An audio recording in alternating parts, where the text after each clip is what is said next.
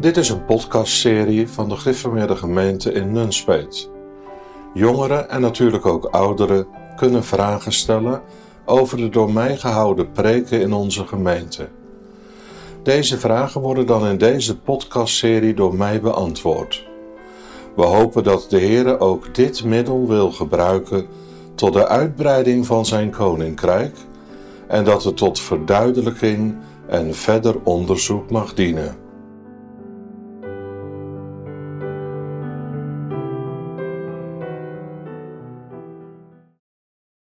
Ik heb de volgende vraag. Het is een hele persoonlijke vraag. Ik weet niet wanneer u over zondag 23 hebt gepreekt, maar ik heb een vraag. Toen de advocaat begon te spreken, is het dan in de beleving dat je iets van de lijdensgang van Christus mag zien? Ik voel mij zo veroordeeld met alles wat er gebeurd is, kan ik niet sterven. Maar als je dan even rust mag krijgen en in die gangen mag blikken, dan is dat naar mijn beleving zo groot. Maar ik ga steeds meer buiten staan. Het is zo wanhopig verloren. Mijn vraag is: is dit wel de weg? Ik ben zo blind en ik vrees dat ik nog alles mis. Er is onderscheid tussen het spreken van de rechter en het spreken van de advocaat. En in het gewone rechtssysteem is het heel gewoon dat iemand meerdere keren met zijn of haar advocaat spreekt zonder dat de rechter een uitspraak heeft gedaan.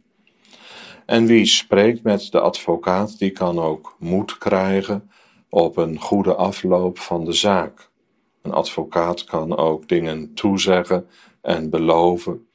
Maar zolang de rechter niet spreekt, moet de uitspraak nog volgen. En daar beleven Gods kinderen ook iets van. De Heer Jezus is de advocaat. Wie een geloofsoog op Hem mag krijgen, zal rust ervaren in zijn ziel.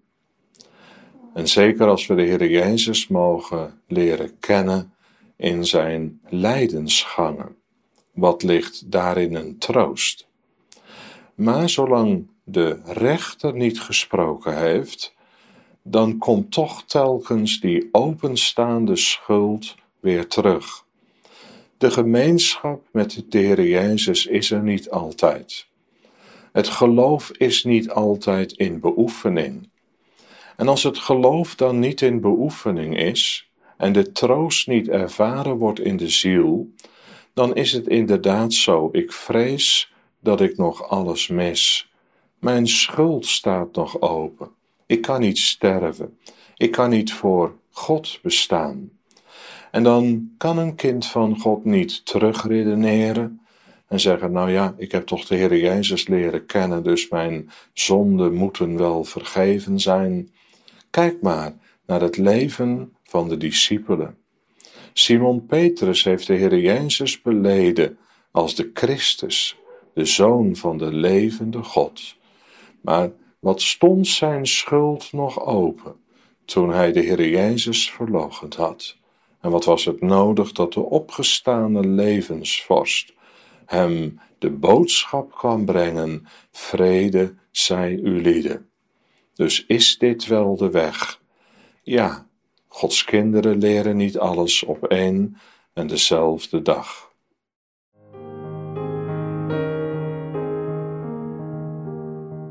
Heb jij nu ook een vraag over de preek? Kijk dan op gergemnunspeet.nl slash podcast. Je kunt daar een vraag indienen en alle eerder beantwoorde vragen terugvinden.